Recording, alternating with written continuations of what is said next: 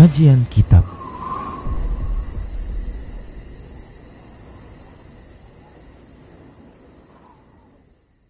Bismillah, Assalamualaikum warahmatullahi wabarakatuh. Innal hamdalillah nahmaduhu wa nasta'inuhu wa nastaghfiruh. Wa na'udzu billahi min shururi anfusina wa min sayyiati a'malina. Man yahdihillah fala mudilla lahu ومن يضلله فلا هادي له وأشهد أن لا إله إلا الله وحده لا شريك له وأشهد أن محمدا عبده ورسوله صلى الله عليه وسلم. قال الله تعالى يا أيها الذين آمنوا اتقوا الله حق تقاته ولا تموتن إلا وأنتم مسلمون. يا أيها الناس اتقوا ربكم الذي خلقكم من نفس واحدة وخلق منها زوجها وبث منهما رجالا كثيرا ونساء. واتقوا الله الذي تساءلون به والأرحام. إن الله كان عليكم رقيبا. يا أيها الذين آمنوا اتقوا الله وقولوا قولا سديدا. يصلح لكم أعمالكم ويغفر لكم ذنوبكم. ومن يطع الله ورسوله فقد فاز. فوزا عظيما أما بعد فإن أصدق الحديث كتاب الله وخير الهدى هدى رسول الله صلى الله عليه وسلم وشر الأمور محدثاتها وكل محدثة بدعة وكل بدعة ضلالة وكل ضلالة في النار Para pemirsa Rosya TV dan para pendengar radio Medan Mengaji di mana saja Anda berada rahimani wa rahimakumullah. Alhamdulillah kita bersyukur kepada Allah Subhanahu wa taala yang masih selalu memberikan kebaikan kepada kita. Salawat serta salam tak lupa kita ucapkan untuk nabinya Muhammad sallallahu alaihi wasallam. Semoga kita dipilih oleh Allah Subhanahu wa taala menjadi hamba-hambanya yang senantiasa taat kepada rasulnya. Para muslim rahimani wa rahimakumullah.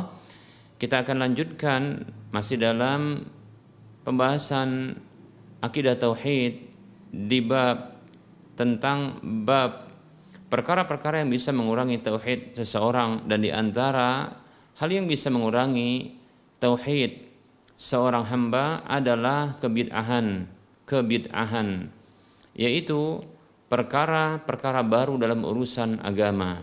Setiap setiap keyakinan, setiap ucapan, setiap tindakan baik itu menghadirkan sebuah perbuatan atau meninggalkan sebuah perbuatan yang diyakini sebagai ibadah kepada Allah Subhanahu wa taala namun tidak ada satupun dalil dari Al-Qur'an maupun hadis Nabi Shallallahu alaihi wasallam yang menunjukkan tentang pensyariatannya.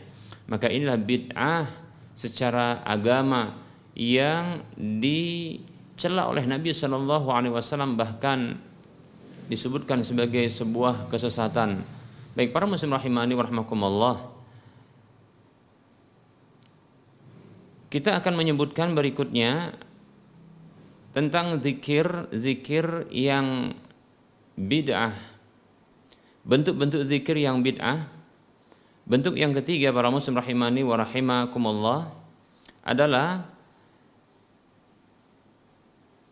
melafatkan zikir yang disyariatkan yang dikaitkan dengan zaman atau masa waktu maupun tempat atau kondisi tertentu ya.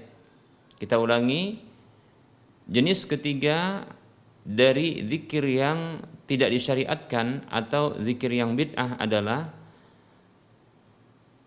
melafatkan zikir yang disyariatkan yang dikaitkan dengan waktu, tempat, atau kondisi tertentu yang sesungguhnya bukan pada tempatnya.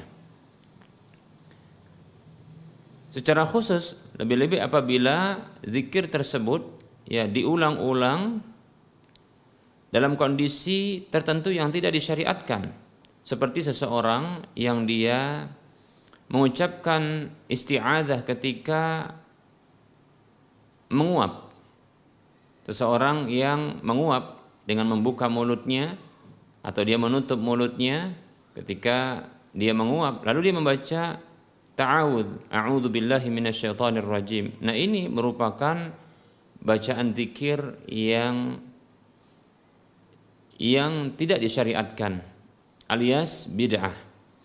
Begitu juga bentuk taswib yang dilakukan oleh orang-orang saat ini yaitu menyerukan solat setelah adzan.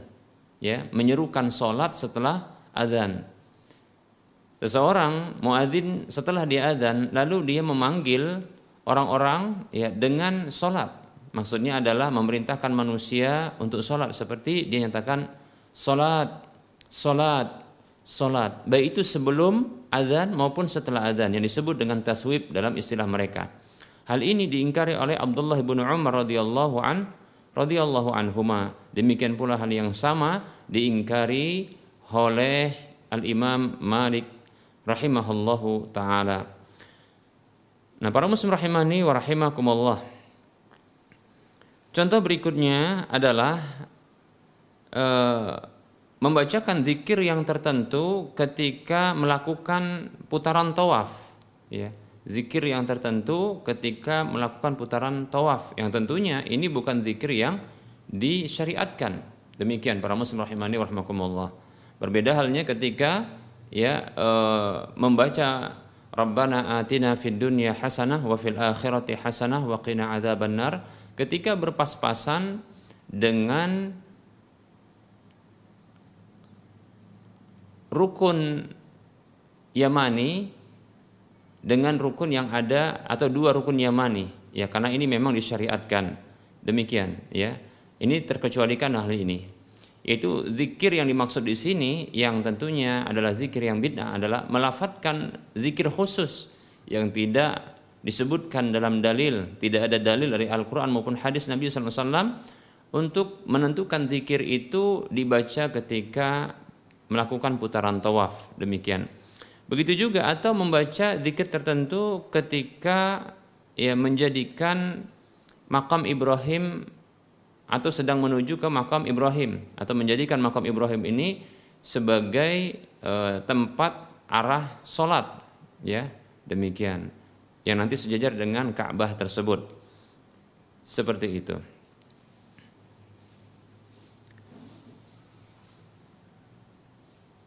Nah ini sebagaimana yang terdapat di dalam eh, buku-buku saku yang dibaca oleh sebahagian jemaah haji atau umroh itu dikarenakan ya ketidaktahuan mereka tentang hukum haramnya membaca ya zikir-zikir tertentu di tempat-tempat seperti ini karena tidak ada dalil yang mengkhususkan hal tersebut.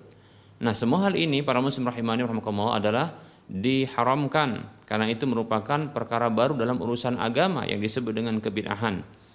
Baik para muslim rahimani wa rahimakumullah, sesungguhnya banyak dalil dari Al-Qur'an maupun hadis Nabi SAW ya dari Al-Qur'an itu terkait dengan ya e, celaan Allah Subhanahu wa taala bagi orang-orang yang membuat syariat tentunya.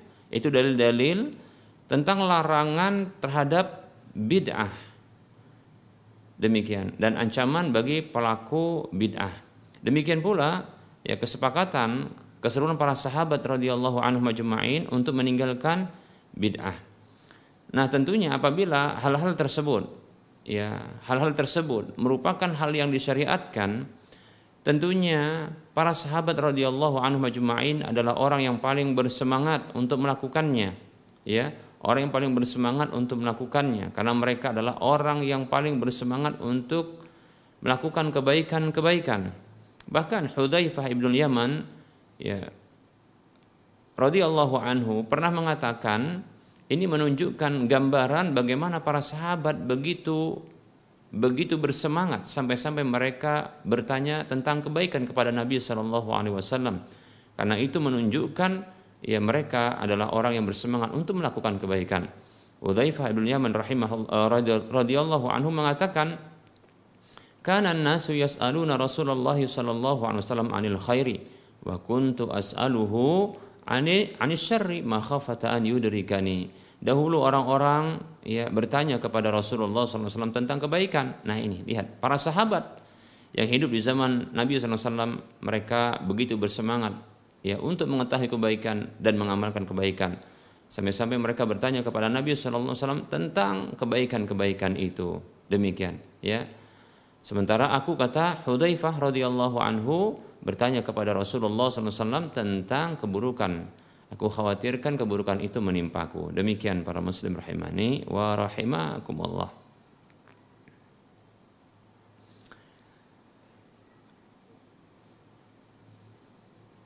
Sebahagian para sahabat kita dapatkan ya dalam riwayat mereka ini melarang dan mengingkari hal-hal tersebut.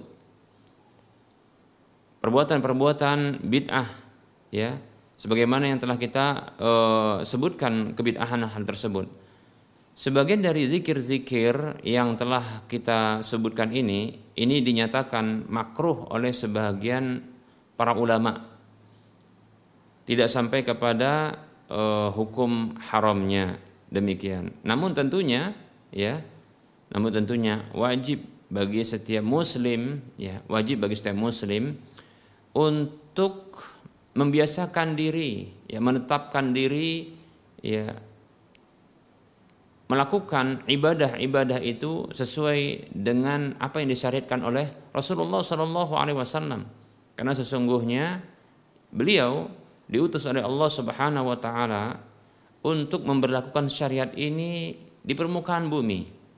Maka sebagai konsekuensi dari persaksian kita bahwa beliau adalah utusan Allah Subhanahu wa taala dalam dua kalimat syahadat ya setelah kita mengucapkan syahadat tauhid asyhadu an la ilaha illallah kita mengucapkan ya syahadat rasul berikutnya wa asyhadu anna muhammadar rasulullah konsekuensi ketika kita mengungkapkan hal tersebut yaitu artinya bahwasanya aku bersaksi bahwa Muhammad SAW adalah utusan Allah maka ini menuntut kita menuntut kita untuk mengambil syariat itu dari Rasulullah SAW yaitu kita menjadikan ibadah itu harus sesuai dengan syariat Rasulullah SAW karena beliau diutus oleh Allah Subhanahu wa taala untuk memperlakukan syariat ini. Nah, siapa saja yang membuat bid'ah dengan cara dia ya mengambil petunjuk selain petunjuk Nabi Shallallahu alaihi wasallam atau dia mengambil satu bentuk ibadah dari selain Rasulullah SAW, baik itu dari dirinya ataupun dari tokoh-tokoh atau manusia yang lainnya, maka ketahuilah sesungguhnya hal ini mencacati hal ini membuat cacat pada persaksian syahadat rasulnya. Seseorang yang membuat bid'ah maka sesungguhnya dia telah membuat cacat pada ungkapan dirinya wa asyhadu anna muhammadar rasulullah. Dan aku bersaksi bahwasanya Muhammad adalah utusan Allah. Demikian Sesungguhnya tidak jujur dia mengungkapkan hal tersebut. Sesungguhnya tidak benar dia mengungkapkan hal tersebut di mana ternyata tindakannya menunjukkan dia tidak sedang menjadikan Rasulullah SAW itu Muhammad SAW sebagai utusan Allah Subhanahu wa taala di mana dia berbuat bid'ah di mana dia mengambil syariat dari selain syariat Nabi Muhammad sallallahu alaihi wasallam baik itu dari dirinya yang dianggap baik ataupun dari tokoh-tokoh atau manusia-manusia yang dianggapnya ya e, memiliki keutamaan. Demikian para muslim rahimani wa rahimakumullah. Nah, seorang mukmin, seorang muslim wajib baginya untuk bersemangat bersemangat melakukan ibadah itu sesuai dengan apa yang disyariatkan oleh Nabi kita Muhammad sallallahu alaihi wasallam. Sekaligus menjauhi segala bentuk-bentuk ibadah, bentuk-bentuk amalan ya yang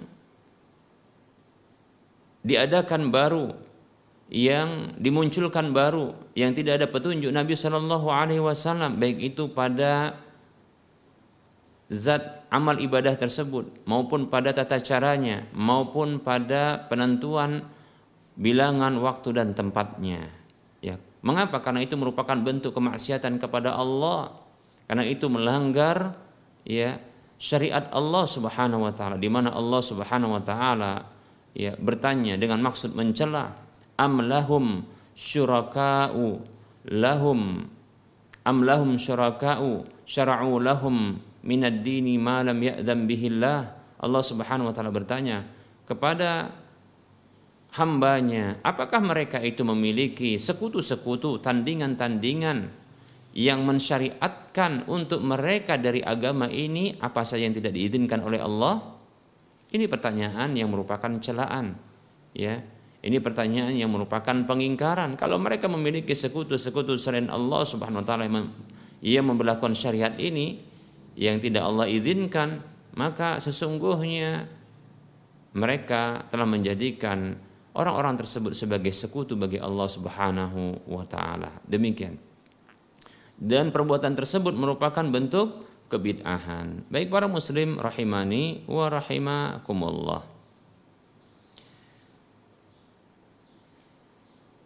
Nah, tatkala Allah Subhanahu wa taala ya didurhakai dengan cara dibuat ya eh, amalan-amalan ibadah yang baru yang terlarang yang tidak ada petunjuk dari Nabi Shallallahu Alaihi Wasallam yang tidak ada izin dari Allah Subhanahu Wa Taala maka hal ini bisa menghantarkan kepada ya amalan-amalan ibadah yang mengandung kesyirikan. Demikian. Ya. Mengapa? Nah, begitulah ya hebatnya syaitan ya menghantarkan manusia kepada keburukan yang lebih parah. Ya, karena sesungguhnya satu keburukan, satu dosa, satu pelanggaran, satu penyimpangan ini akan menghantarkan kepada penyimpangan yang lain bahkan lebih parah. Seperti itu para muslim rahimani rahimakumullah.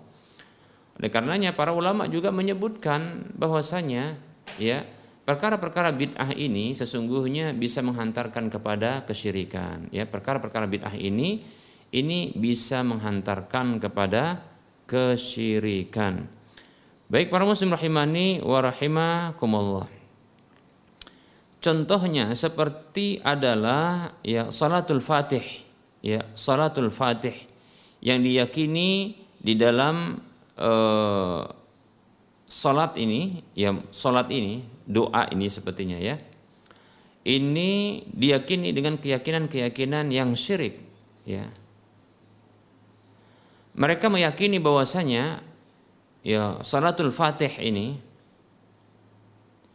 ya salawat yang disebut dengan salatul fatih atau zikir yang disebut dengan salatul fatih ya orang yang melakukannya dan orang yang eh, membiasakan hal ini meyakini bahwasanya ya bacaan ini lebih afdol ketimbang Al-Qur'anul Karim.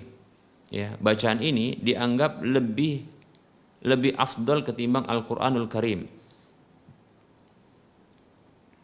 Coba bayangkan ya, perhatikan ya, bacaan-bacaan pada salatul Fatih ini ya, ini dianggap lebih afdol ketimbang Al-Qur'anul Al Karim. Lebih afdol luar biasa para muslim rahimani wa rahimakumullah. Padahal Al-Qur'anul Karim ini adalah firman-firman Allah tabaraka wa taala. Firman-firman ungkapan-ungkapan kalam Allah Subhanahu wa taala pencipta jagat raya Allah zat yang maha agung Allah zat yang maha memiliki karunia dan keutamaan tentunya ungkapannya firmannya kalamnya itu lebih utama, itu lebih afdal ketimbang segala sesuatu. Bagaimana bisa ya bacaan-bacaan dalam salatul Fatih ini ini dikatakan lebih utama padahal dia buatan manusia. Nauzubillah min dzalik. Bahkan disebutkan bahwasanya ya Salatul Fatih ini ini lebih afdal ketimbang zikir-zikir yang diucapkan oleh Nabi kita Muhammad sallallahu alaihi wasallam. Perhatikan ya. Ini luar biasa para muslim rahimani wa rahimakumullah ya. Yang ini merupakan bentuk ya tentunya adalah kesyirikan ya sekaligus kekufuran. Baik. Begitu juga sebahagian orang meyakini bahwasanya wirid yang disebut dengan dalailul khairat atau yang semisalnya ini lebih afdal ketimbang Al-Qur'an. Ini lebih afdal ketimbang Al-Qur'an. Ketahuilah ini merupakan bentuk kesyirikan. Demikian. Baik para muslim rahimani rahimakumullah. Bahkan itu kesyirikan dengan satu syirik akbar.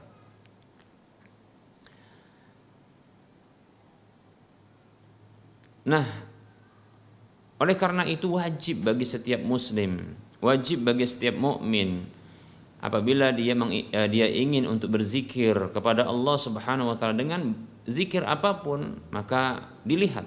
Maka dia wajib untuk melihat ya, apakah zikirnya tersebut itu terdapat di dalam Al-Quran maupun hadis Nabi Shallallahu Alaihi Wasallam, ya, sehingga nanti dia bisa mengamalkannya, ya, atau dia tidak terdapat zikir tersebut. Kalau tidak terdapat maka jangan diamalkan, dia tinggalkan. Ya. Kalau tidak terdapat dalam dalil maka dia tinggalkan. Siapa pun yang mengamalkannya dan siapa pun yang mencetuskannya. Demikian para muslim rahimani wa rahimakumullah. Berikutnya setelah dia mengetahui bahwasanya zikir tersebut. Ini cara khusus adalah amalan zikir ya. Karena kita sedang membahas tentang zikir. Walaupun ini adalah bentuk e, kaidah umum. Setelah kita mendapatkan seorang muslim ya setelah dia wajib bagi dia untuk melihat ya ketika dia hendak berzikir dia harus memastikan zikir tersebut adalah zikir yang disebutkan dalam dalil zikir yang memang itu dinyatakan dalam dalil sebagai zikir.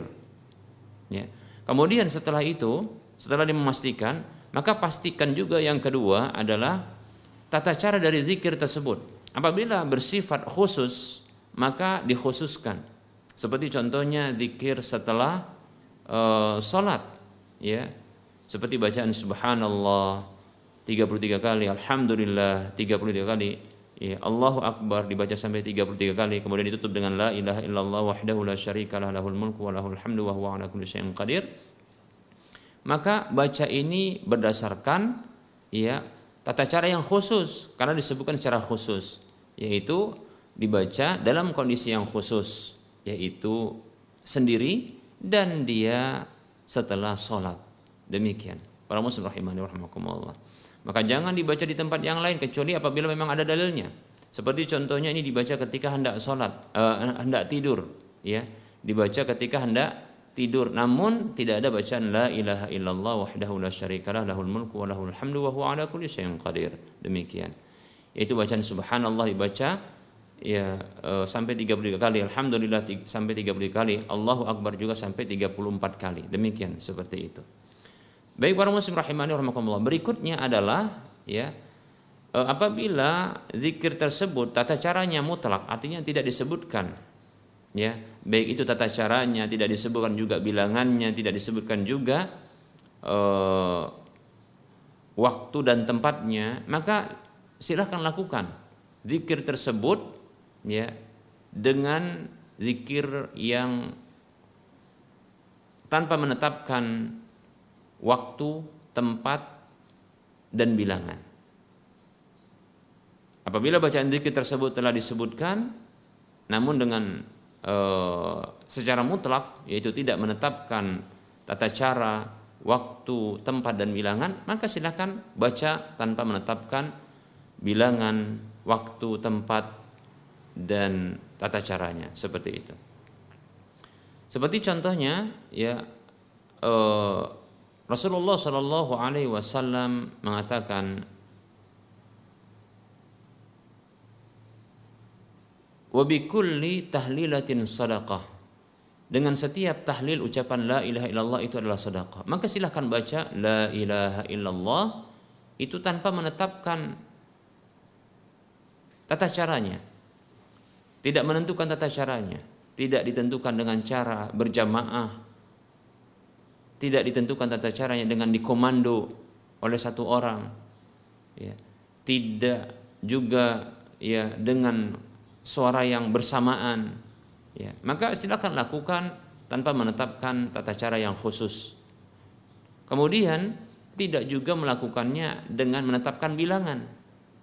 Tidak harus sampai 100 tidak harus sampai 1000 ya silakan berapa saja. Begitu juga ya tanpa menetapkan tempatnya. Tidak harus contohnya ketika habis sholat ya. Maka silahkan lakukan ketika di atas kendaraan ketika sedang berjalan ketika sedang duduk ketika sedang berbaring ketika sedang menanti seseorang ketika seterusnya di waktu-waktu yang tidak terlarang ya. Seperti itu. Begitu juga di tempat yang silakan tidak perlu menentukan tempatnya ya tidak perlu harus duduk dulu di mihrab atau duduk di tempat sholat. Demikian. Seterusnya. Demikian para muslim rahimani rahimakumullah. Maka lakukan ya. Apabila memang zikir tersebut telah eh, ditetapkan bacaannya namun secara mutlak ya tidak ditetapkan dia tata caranya, bilangannya, waktu dan tempatnya, maka lakukan secara mutlak pula. Demikian para muslim rahimani wa rahimakumullah.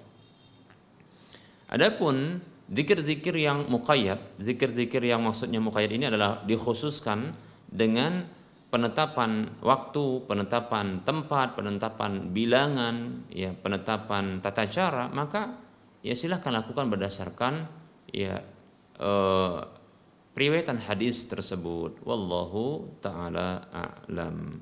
Demikian para muslim rahimani wa rahimakumullah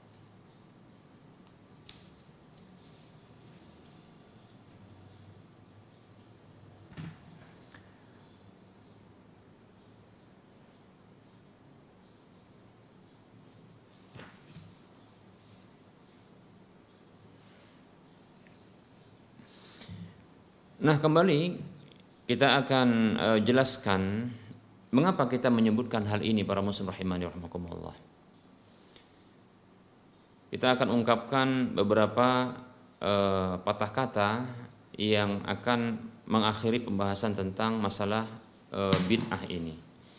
Baik para muslim rahimani wa rahimakumullah. Sesungguhnya kita membahas hal ini sesungguhnya merupakan bentuk kecintaan kepada agama ini. Ini yang pertama. Sesungguhnya bentuk juga kecintaan kepada Allah Subhanahu wa taala, bentuk kecintaan kepada Rasulullah SAW, bentuk kecintaan kepada agama ini dan bentuk kecintaan kepada kaum muslimin seluruhnya. Kenapa ketika kita membahas bid'ah walaupun pembahasan-pembahasan yang lain juga itu sama Kenapa secara khusus kita katakan pembahasan bid'ah ini itu merupakan bentuk kecintaan kepada Allah Subhanahu wa taala. Karena sesungguhnya Allah Subhanahu wa taala tidak rela dia diibadahi dengan cara manusia, itu masalahnya. Ya. Manusia ketika membuat perkara baru dalam urusan agama ini sesungguhnya dia sedang membuat tata cara ibadah yang tidak diridhoi oleh Allah Subhanahu wa taala. Allah tidak ridho dia diibadahi dengan ya tata cara manusia. Demikian. Ya. Sampai-sampai Allah Subhanahu wa taala ya bertanya dengan maksud mengingkari dan ini lebih mengena. Am lahum syuraka'u syara'u lahum minad din ma lam ya'zam bihillah. Apakah mereka itu memiliki sekutu-sekutu? Mereka memiliki sekutu-sekutu selain Allah tentunya yang mensyariatkan untuk mereka dari agama ini apa saja yang tidak Allah izinkan. Ya baik para muslim rahimani rahimakumullah. Dan pembahasan ini juga merupakan bentuk kecintaan kepada Rasulullah Shallallahu Alaihi Wasallam. Di mana kita ya sedang memberikan hak kepada Nabi Shallallahu Alaihi Wasallam. Di mana Beliau adalah utusan Allah Subhanahu wa taala. Yang mengajarkan kepada manusia apa saja yang berasal dari Allah Subhanahu wa taala. Bahkan beliau sendiri tidak berhak untuk mengarang-arang dalam urusan agama ini. Apabila beliau pun meletakkan sebuah syariat itu sesuai dengan petunjuk Allah Subhanahu wa taala itu sesuai dengan arahan dan bimbingan Allah Subhanahu wa taala. Nah, apabila manusia itu berbuat bid'ah dalam urusan agama ini, sesungguhnya ini celaan kepada Rasulullah Shallallahu alaihi wasallam. Seolah-olah beliau ini belum menunaikan tanggung jawab beliau, belum menunaikan amanah yang telah Allah Subhanahu wa taala berikan kepada beliau. Makanya sebagian ulama mengatakan, ya, Orang yang berbuat bid'ah itu sedang menuduh Rasulullah SAW adalah seorang pengkhianat yang mengkhianati Allah Subhanahu wa taala padahal Allah telah menyempurnakan agama ini namun ya ada satu atau beberapa kebaikan-kebaikan yang tidak disampaikan oleh Nabi Wasallam, namun itu diketahui oleh orang yang berbuat bid'ah itu. Oleh karenanya ini merupakan bentuk cinta kepada Rasulullah Wasallam. Sekaligus para muslim rahimani rahimakumullah ini juga merupakan bentuk cinta kepada agama ini. Di mana ketika kita membahas tentang kebid'ahan ini, sesungguhnya kebid'ahan ini adalah perkara-perkara yang mengotori agama ini. Ketahuilah sesungguhnya ya, terjadinya perubahan pada agama-agama sebelum kita, agama-agama samawi sebelum kita, Yahudi dan Nasrani, milah Ibrahim. Itu sesungguhnya terjadi perubahan pada agama mereka dikarenakan disusupkan sesuatu yang bukan dari mereka. Maaf, disusupkan kepada agama-agama tersebut sesuatu yang bukan berasal darinya. Demikian. Nah, sebagai bentuk kecintaan terhadap agama ini, padahal agama ini telah disempurnakan oleh Allah Subhanahu wa taala, maka kita mengingatkan kepada saudara seiman untuk tidak mengotori agama ini. Sebagai bentuk cinta kepada agama ini, agar agama ini terus murni, terus murni. Sekaligus pembahasan tentang bid'ah ini merupakan bentuk cinta kepada saudara-saudara seiman. Ya. Di mana bid'ah itu merupakan perkara yang tertolak. Kita tidak ingin saudara-saudara seiman, saudara-saudara seislam ketika beramal, capek-capek beramal, letih sudah menghabiskan waktu, tenaga untuk beramal, ternyata tidak ada perintah pada amal tersebut. Yang kata Nabi Shallallahu Alaihi Wasallam, man ahdasa fi amrina hada, ma laysa minhu fahuwa raddun. Rawal Bukhari wa Muslim. Al Imam An Nawawi rahimahullah taala menyebutkan hadis yang kelima dalam Arbaun An Nawawi beliau itu hadis dari Aisyah radhiyallahu anha ibunda Aisyah radhiyallahu anha. Rasulullah sallallahu alaihi wasallam bersabda man ahdasa fi amrina hadza ma laysa minhu fahuwa raddun. Hadis riwayat Bukhari dan Muslim. Siapa saja yang membuat baru dalam urusan agama ini sesuatu yang bukan berasal darinya maka tertolak. Lihat tertolak. Itulah bid'ah tertolak. Capek-capek kita beramal ternyata ini ada hal yang baru. Perkara bid'ah ini ya. Ini akan tertolak para muslim rahimani rahimakumullah. Hadis Bukhari dan Muslim. Kemudian Imam An-Nawawi rahimahullah taala menyebutkan berikutnya ya hadis yang diriwayatkan oleh Imam Muslim Rasulullah bersabda sallallahu alaihi wasallam man amila amalan laisa alaihi amruna fahuwa raddun. Siapa saja beramal dengan sebuah amalan yang tidak ada perintah kami padanya maka tertolak. Lihat. Ya. Jadi bid'ah itu perkara yang tertolak. Nah sebagaimana kita pribadi saya pribadi ketika beramal, capek-capek beramal dan tidak ingin ketika sudah beramal dan capek melakukannya, ini tertolak, sia-sia jadinya. Nah, oleh karenanya ini merupakan bentuk ya kecintaan kepada saudara seiman, saudara seislam, mengingatkan mereka bukan sebagai bentuk kebencian kepada mereka, bukan sebagai bentuk permusuhan terhadap mereka, bukan Sesungguhnya ini merupakan bentuk kecintaan. Sesungguhnya orang yang mengingatkan kita atas sebuah bahaya itu menunjukkan cintanya ia kepada kita. Seperti itu. Begitulah kita yang mengingatkan hal-hal ini, hal-hal yang buruk ini untuk ditinggalkan itu merupakan bentuk cinta. Ya, bahkan itu merupakan bentuk kesempurnaan iman. Kata Nabi Shallallahu alaihi wasallam, la yu'minu ahadukum hatta yuhibba li akhihi ma yuhibbu li nafsihi Roh Bukhari wa Muslim. Kata Nabi Wasallam tidak sempurna iman salah seorang di antara kalian sampai ia mencintai untuk saudaranya apa yang ia cintai untuk dirinya. Jujur, saya cinta amal-amal saya, saya suka amal-amal saya ini diterima oleh Allah Subhanahu Wa Taala. Maka saya harus cinta amal-amal saudara-saudara saya itu diterima oleh Allah Subhanahu wa taala. Seperti itu. Oleh karenanya ini kita ingatkan dan itu bukanlah merupakan bentuk kebencian, bukan merupakan bentuk permusuhan demi Allah, bukan. Bukan saudara seiman, bukan. Pahami itu. Ya, pahami itu. Apakah ketika kita sedang melalui tebing atau kita sedang berkendara di sebuah jalanan. Lalu ada orang yang mengingatkan kita, mungkin dengan keras karena kita mungkin terlalu kencang. Dia katakan hati-hati, dia katakan hati-hati. Di ujung jalan ini jalannya buruk dan di sisi kanan dan kirinya ada jurang. Apakah ketika dia mengingatkan hal tersebut itu menunjukkan kebencian kepada kita yang sedang berjalan tersebut? Ya. Walaupun mungkin dia menggunakan bahasa yang keras. Tentu tidak. Kita berbaik sangka kepadanya bahwasanya memang dia jujur dan itu merupakan kebaikannya dan itu merupakan bentuk barangkali cintanya kepada kita walaupun dia tak mengenalnya. Namun dia cinta karena sesama manusia tidak ingin ya orang lain ini mendapatkan keburukan seperti itu. Walaupun bahasa yang digunakan bahasa yang sedikit kasar barangkali.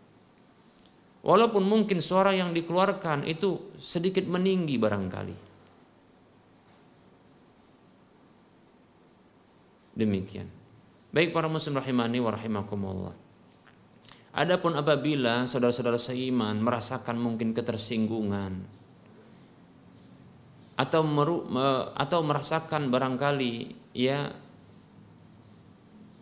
eh, kegerahan, maka ketahuilah itu sebuah kewajaran karena amalan yang biasa dilakukan dinyatakan ini ada potensi tertolak. Ya. Demikian. Hanya saja ini merupakan bentuk mengingatkan. Waspada itu lebih baik para muslim rahimani rahimakumullah. Ya. Namun andaikan kita sudah melakukan ya, bentuk mengingatkan saudara seiman yang kami meyakini kita meyakini bahwasanya ini akan bermanfaat bagi orang-orang beriman karena Allah Subhanahu wa taala berfirman, "Fadzakir fa inna dzikra tanfa'ul mu'minin." Berilah peringatan, yaitu saling mengingatkan karena sesungguhnya peringatan itu, ingatan itu itu bermanfaat bagi orang-orang beriman. Kami meyakini mudah-mudahan ini bisa bermanfaat bagi saudara seiman demikian. Karena saudara-saudara sekalian itu tentu punya iman dan kembali kita tegaskan ini bukanlah merupakan bentuk kebencian dan permusuhan. Ini merupakan bentuk kasih sayang. Ya. Demikian para muslim rahimani wa rahimakumullah. Barangkali ini materi yang bisa kita sampaikan. Dan kita akan lanjutkan dengan sesi soal jawab.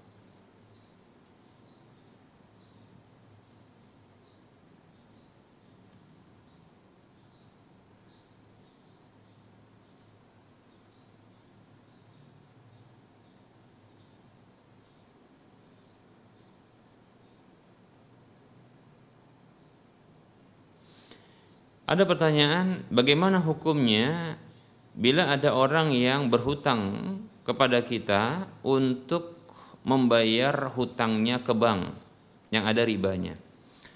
Apakah kita mendapatkan dosa atau mendapatkan pahala? Bismillah. Tentunya hal ini butuh rincian. Tentunya hal ini butuh rincian.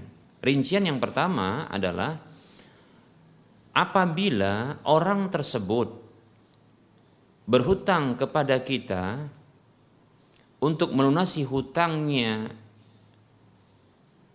di lembaga perbankan ribawi dan dia bermaksud untuk berhenti darinya dan tidak ingin kembali kepadanya alias dia bertobat darinya maka kita akan mendapatkan pahala tentunya. Bahkan kita ini bisa mendapatkan dua pahala Pertama adalah pahala meringankan bebannya. Yang kedua adalah pahala membantunya untuk taubat kepada Allah Subhanahu wa taala. Kita dapat dua pahala, ya. Bisa jadi kita mendapatkan dua pahala. Pahala yang pertama adalah pahala ya meringankan ya beban saudara kita. Ya, meringankan beban saudara kita.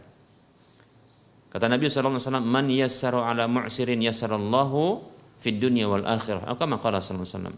Siapa saja yang meringankan orang yang dalam kesulitan, maka Allah akan ringankan ya Allah ringankan bagi dia di dunia dan di akhirat Seperti itu. Hadis riwayat Muslim. Dan ini sekaligus juga merupakan bentuk bantuan ya kepada orang tersebut untuk bisa bertaubat kepada Allah, melakukan ketaatan kepada Allah Subhanahu wa taala. Jika memang niatnya adalah ingin bertobat, berlepas dari jeratan riba tersebut, maka bisa ya, bisa kita mendapatkan pahala seperti ini. Rasulullah SAW Allah SWT berfirman, ya, wa ta'awanu 'alal birri wa taqwa wa la ta'awanu 'alal ismi wal 'udwan. Saling tolong menolonglah kalian di atas kebajikan dan ketakwaan dan janganlah kalian saling tolong menolong di atas dosa dan permusuhan. Demikian, ya. Ini rincian yang pertama. Rincian yang kedua adalah bisa jadi kita mendapatkan dosa. Ya. Bisa jadi kita mendapatkan dosa apabila ya orang tersebut berhutang kepada kita untuk menutupi menutupi hutangnya, menutupi hutangnya ya. Menutupi hutangnya agar nanti dia bisa mendapatkan nama baik di bank tersebut ya agar bisa kelak nanti dia berhutang kembali. Jadi rincian yang kedua ini adalah orang tersebut tidak bermaksud taubat dari dari dosa ribanya. Dia hanya berhutang ya bila tujuannya adalah untuk mendapatkan nama baik yaitu melunasi hutang tepat pada waktunya. Maka dia berhutang kepada kita ya agar menutupi hutangnya kepada perbankan ribawi tersebut agar mendapatkan untuk mendapatkan nama baik sehingga di waktu kemudian dia bisa berhutang kembali. Nah, ini kita bisa berdosa karena ternyata kita mendukung dia untuk melakukan dosa berikutnya. Demikian. Nah, oleh, oleh karenanya kita harus tanya terlebih dahulu ketika kita ya eh, ingin memberikan hutang kepada orang tersebut. Apa tujuannya? Demikian. Wallahu taala a'lam.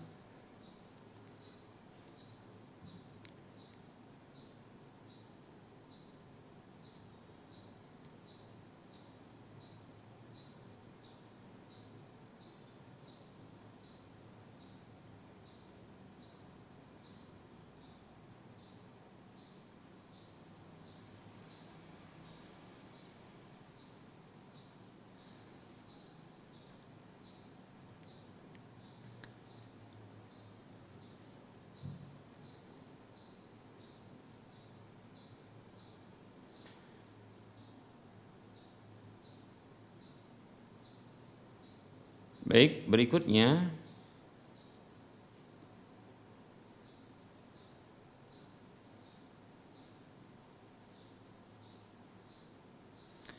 Ada pertanyaan, Assalamualaikum Ustaz.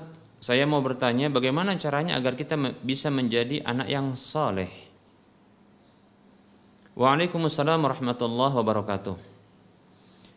Pertama sekali, adalah dengan berdoa kepada Allah Subhanahu wa taala agar kita dijadikan dan digolongkan menjadi hamba-hamba Allah yang saleh.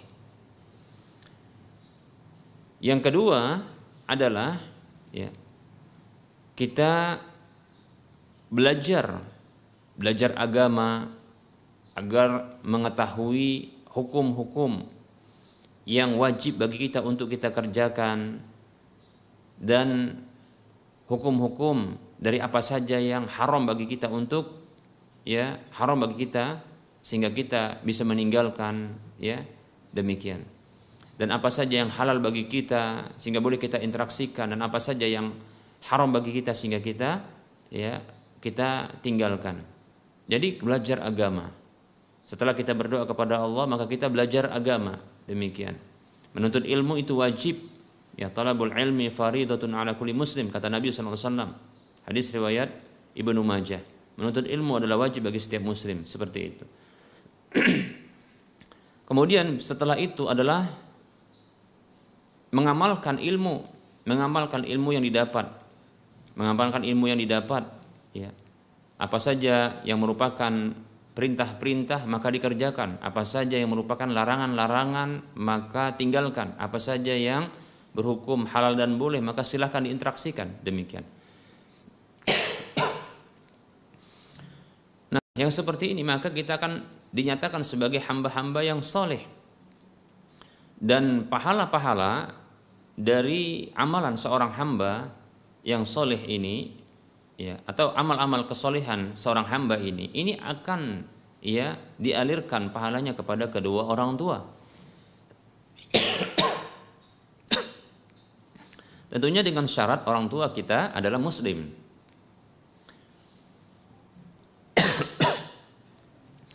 Kata Nabi Shallallahu Alaihi Wasallam, "Idza matal insanu inqata amaluhu illa min salasin." Apabila mati manusia itu, maka terputuslah amalnya kecuali dari tiga jalurnya.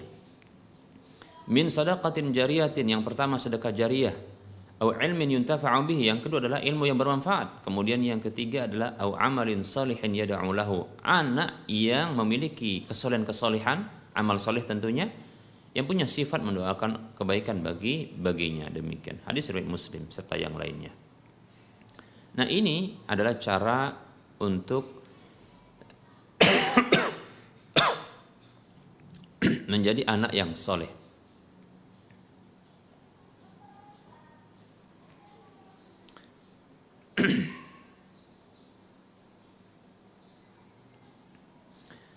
Kemudian ada pertanyaan. Assalamualaikum Ustadz Mau bertanya bagaimana cara menyelesaikan sawah yang sudah lama digadaikan orang tua kita? Waalaikumsalam warahmatullahi wabarakatuh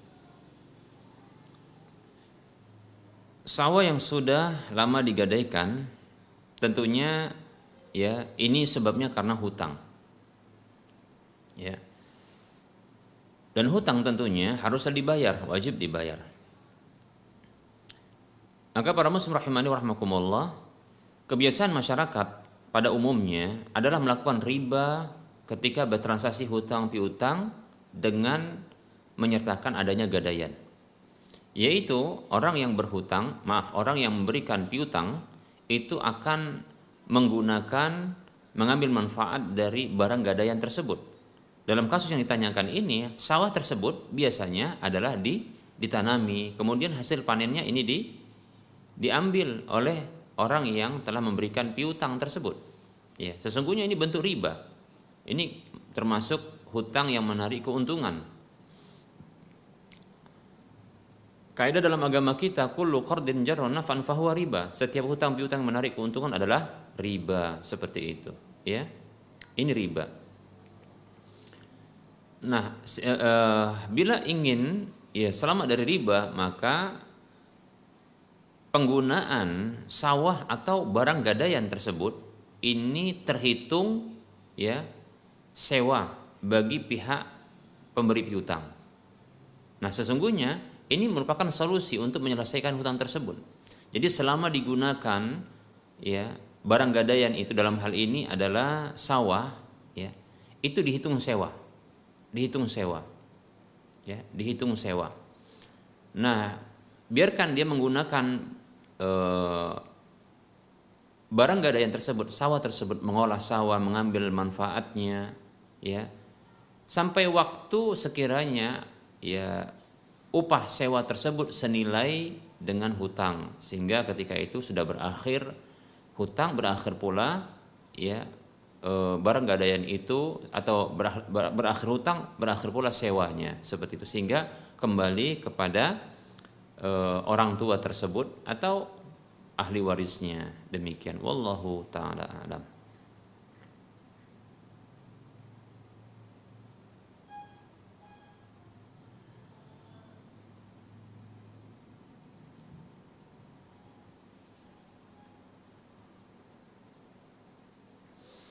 Ada pertanyaan Assalamualaikum warahmatullahi wabarakatuh.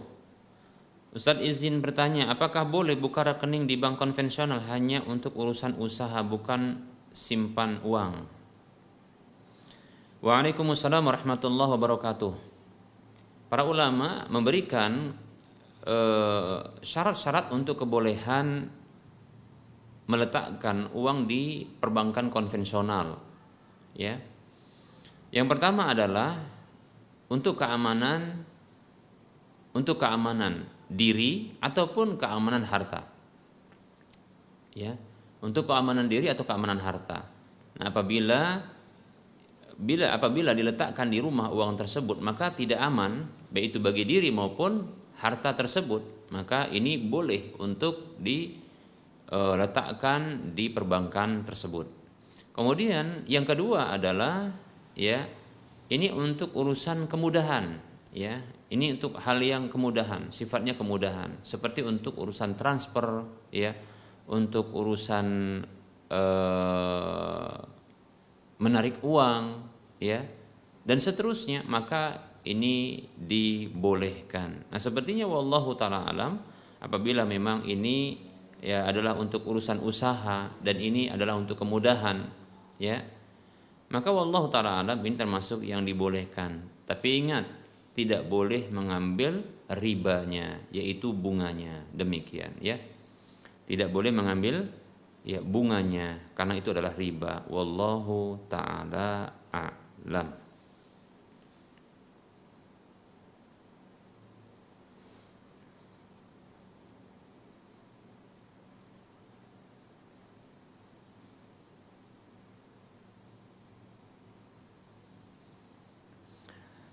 Ada pertanyaan Assalamualaikum. Ustadz saya mau tanya Apabila salat fardu secara sendiri apakah harus iqamah dulu? Ya ataukah harus bagaimana? Terima kasih Ustaz. Waalaikumsalam warahmatullahi wabarakatuh. Baik tentunya apabila seorang laki-laki ya apabila seorang laki-laki maka kewajiban sholat fardunya adalah di masjid ya dalam sebuah hadis diriwayatkan bahwasanya idza sami ahadukumun nidaa falam ya'tihi fala salata lahu illa min udrin. Ya, apabila salah seorang di antara kalian mendengarkan seruan adzan namun ia tidak mendatangi seruan tersebut yaitu tidak mendatangi uh, yaitu seruan untuk adzan untuk sholat tersebut maka tidak ada salat baginya kecuali karena ada udurnya di antara udurnya seperti sakit, di antara udurnya adalah uh, hujan dan seterusnya demikian ya. Begitu juga ya ada seorang dalil yang lain ya yaitu ada hadis di mana e, seorang yang buta datang kepada Nabi Shallallahu Alaihi Wasallam untuk meminta meminta diberi dispensasi agar bisa sholat di rumah karena dia buta. Demikian. Ya. Kalau tidak salah sahabat yang minta ini adalah Abdullah bin Umi Maktum. Maka Rasulullah Shallallahu Alaihi Wasallam setelah mendapatkan penuturannya bahwasanya mengatakan ya ini darirul basar sesungguhnya aku adalah orang yang buta. Walaisa li qaidun yakuduni ilal masjid. Dan aku tidak memiliki orang yang menuntunku menuju masjid katanya. Seperti itu. Ya lalu ia meminta kepada Nabi untuk diberikan dispensasi agar bisa sholat di masjid. Kemudian Rasulullah memberikan dispensasi itu. Lalu berpalinglah orang tersebut. Namun ketika orang itu berpaling, Rasul memanggilnya. Lalu bertanya kepadanya, atas ma'un nida, apakah engkau mendengarkan seruan adzan? Maka orang buta tadi mengatakan, naam, iya aku dengar. Maka Rasul mengatakan, fala idan, kalau begitu tidak boleh. Nah, para muslim rahimani seorang laki-laki muslim, mukmin yang dia meyakini bahwasanya salat itu kewajiban dan yang menyeru itu adalah muadzin dengan seruan hayya 'ala salah mari menuju salat. Hayya 'alal falah mari menuju kemenangan. Salat itu menghantarkan kepada kemenangan. Lalu apa yang menghalanginya? Untuk menuju kemenangan dengan salatnya apabila dia mengerjakan secara berjamaah. Demikian. Seperti itu ya. Tidaklah ada orang yang Eh, memilih sholat di rumah sementara dia tidak memiliki udur. Bukan karena ketiduran bukan karena ya hujan bukan karena sakit. Ya. Padahal matanya sehat. Tidaklah ada yang menghalanginya kecuali memang hatinya sedang tidak sehat. Imannya sedang tidak sehat seperti itu. Maka hendaknya dia menuju masjid sholat berjamaah di masjid namun eh, saya berbaik sangka bahwasanya yang bertanya ini bisa jadi adalah perempuan ya Kalau seorang laki-laki barangkali untuk istrinya. Kalaupun seorang laki-laki mungkin dalam kondisi ya tertidur sehingga ya kelewatan waktu sholat berjamaah di masjid. Maka ketika sholat di rumah secara sendiri ya maka tetap saja dianjurkan bagi dia untuk komat ya dianjurkan baginya untuk komat seperti itu ya. Iqamah karena itu merupakan zikir begitu kata Anas bin Malik radhiyallahu anhu. Jadi iqamah itu zikir boleh ya seperti itu. Walaupun sudah berlalu waktunya ya. Jadi iqamat itu fungsinya adalah untuk menegakkan sholat ya. Bukan untuk memanggil orang yang sholat. Bukan hanya itu sebenarnya ya. Tapi iqamah iqamah maka disebut dengan iqamah karena dia makna mendirikan menegakkan sholat. Jadi dengan komat itu adalah ini adalah e, waktu di mana untuk menegakkan sholat. Seperti itu. Ya jadi masih dianjurkan untuk melakukan iqamat. Ya bagi orang yang sholat sendiri wallahu taala alam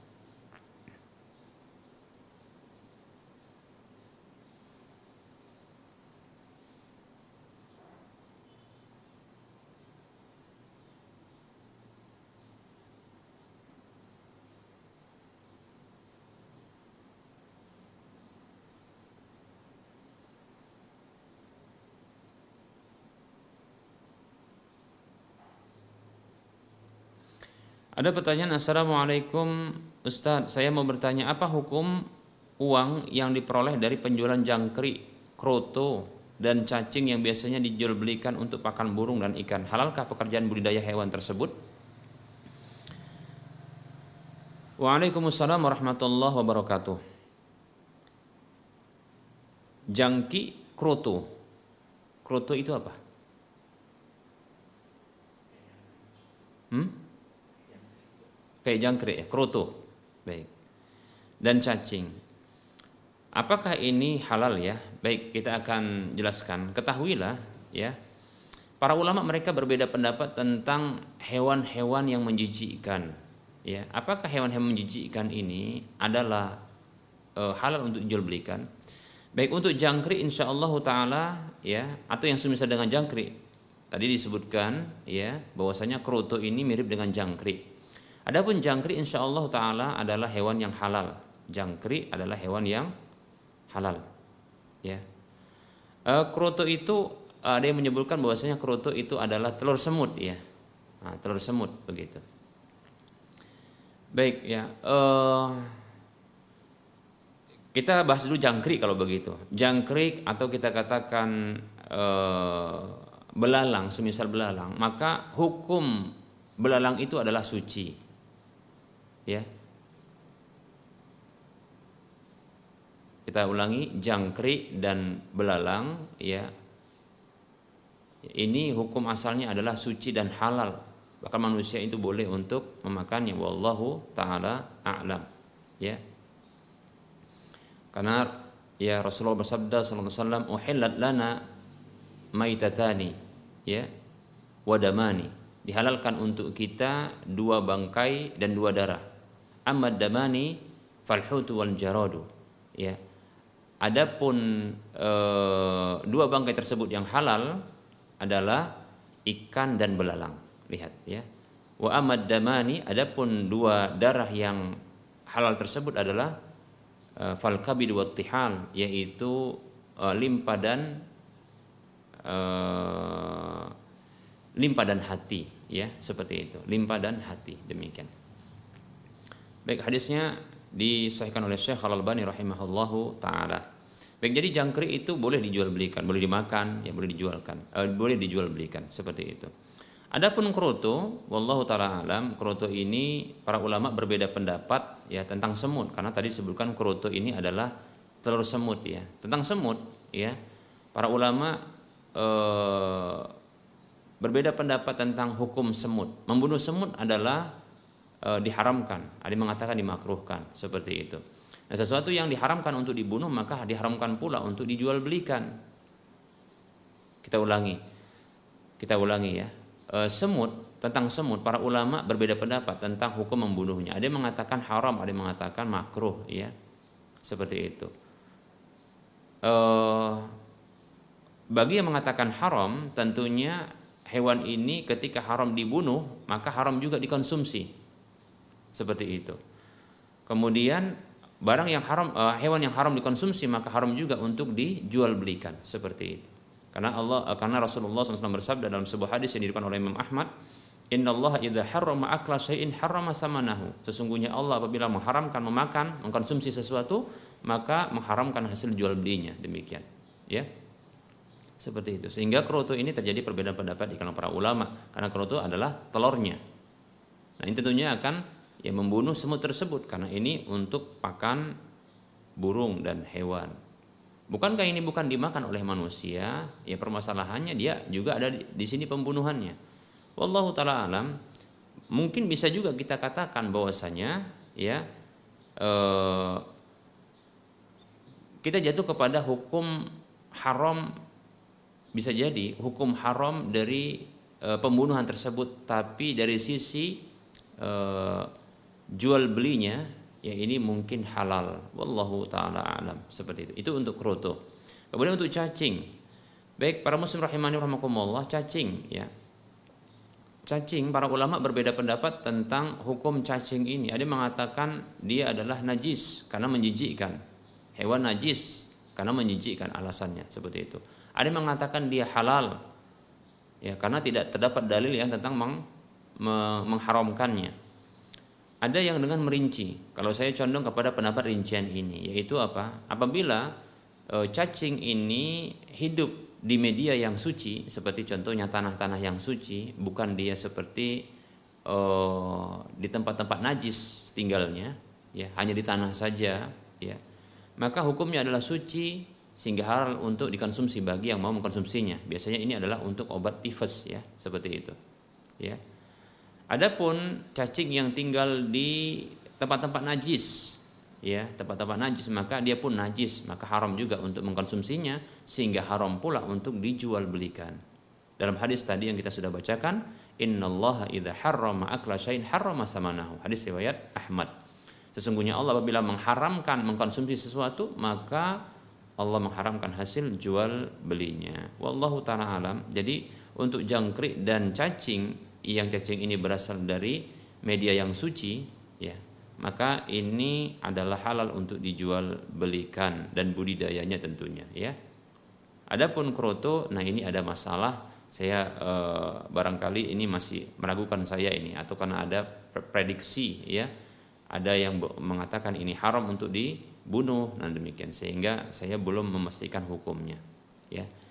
Kecuali bagi orang yang berpendapat bahwasanya ini hukumnya boleh. Nah, maka tentunya boleh juga untuk di di dijual belikan. Wallahu taala a'lam.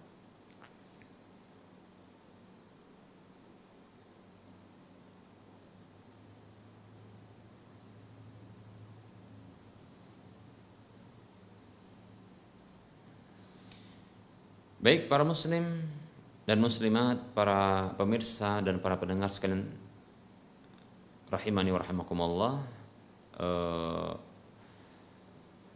waktu telah mendekati masuk waktu sholat zuhur untuk wilayah Medan dan sekitarnya maka kita cukupkan terlebih dahulu pembahasan ya kajian kita pada pertemuan kali ini tentunya dalam penyampaian baik itu penyampaian materi maupun dalam penyampaian jawaban dari pertanyaan yang diajukan ini terdapat kesalahan, kekurangan dan kekeliruan maka saya pribadi mohon ampun kepada Allah Subhanahu wa taala dan kepada para pemirsa dan para pendengar sekalian saya mohon maaf. Kebenaran itu datang dari Allah, kesalahan datang dari saya pribadi. Adapun kebenaran maka ambillah, adapun kesalahan dan kekurangan itu tinggalkanlah. Demikian. Semoga bermanfaat. Dan kembali kita ingatkan kepada saudara-saudara seiman ya. Mari ya kita berdonasi. Kembali kita berdonasi ya. Kita motivasi diri kita untuk mendonasikan sebagian harta yang kita miliki untuk membebaskan lahan yang nantinya akan dibangun Masjid Al-Muwahhidin di Kota Medan. sudah terkumpul sekitar 24,66 persen yaitu sekitar 2 miliar 117 juta 345 ribu sekian dari total dana yang dibutuhkan 8 miliar 585 juta 200 200 ribu rupiah kekurangannya adalah 6 6 miliar 467 juta 854 ribu sekian rupiah. Silahkan kepada kaum muslimin sekalian yang memiliki kelapangan harta yang menginginkan pahala yang melimpah minimal balasan dari infak di jalan Allah adalah 700 kali lipatnya dan ini akan menjadi aset bagi kita kelak ya setelah ketiadaan kita di alam dunia yang paling terus mengalir insya Allah taala walaupun barangkat barangkali ya badan kita sudah hancur lebur dimakan tanah maka silahkan. Silahkan salurkan walaupun sedikit walaupun sedikit. Tak akan sia-sia. Dan ketahuilah tidak akan mengurangi harta kita. Kata Nabi SAW mana qasad sadaqatun min malin. Sedekah itu tak akan pernah mengurangi harta. Demikian nah oleh karenanya ini hadis muslim ya oleh karenanya jangan pernah merasa miskin jangan pernah merasa ya takut kekurangan jangan pernah merasa takut ya berkurang harta ketika kita bersedekah. Pasti Allah mengganti. Wa ma anfaqtum min syai'in fahuwa yukhlifu wa huwa khairur raziqin kata Allah dalam surah Saba ayat 39 apa saja yang kalian infakkan ya dari harta kalian sedikit saja maka dia menggantinya dan dia adalah sebaik-baik pemberi rezeki silakan silahkan salurkan infak dan sedekah Anda ke nomor rekening syariah Bank Syariah Mandiri nomor rekening 717485555. Saya ulangi. Silakan salurkan ya infak Anda ke Bank Syariah Mandiri atau sekarang menjadi Bank e, Syariah Indonesia dengan nomor rekening 7172485 555 kode bank 451. Semoga bermanfaat dan semoga termotivasi. Wassallallahu ala Muhammad Subhanakallahumma wa bihamdika asyhadu an la ilaha illa anta astaghfiruka wa atubu ilaika walhamdulillahi rabbil alamin. Wassalamualaikum warahmatullahi wabarakatuh.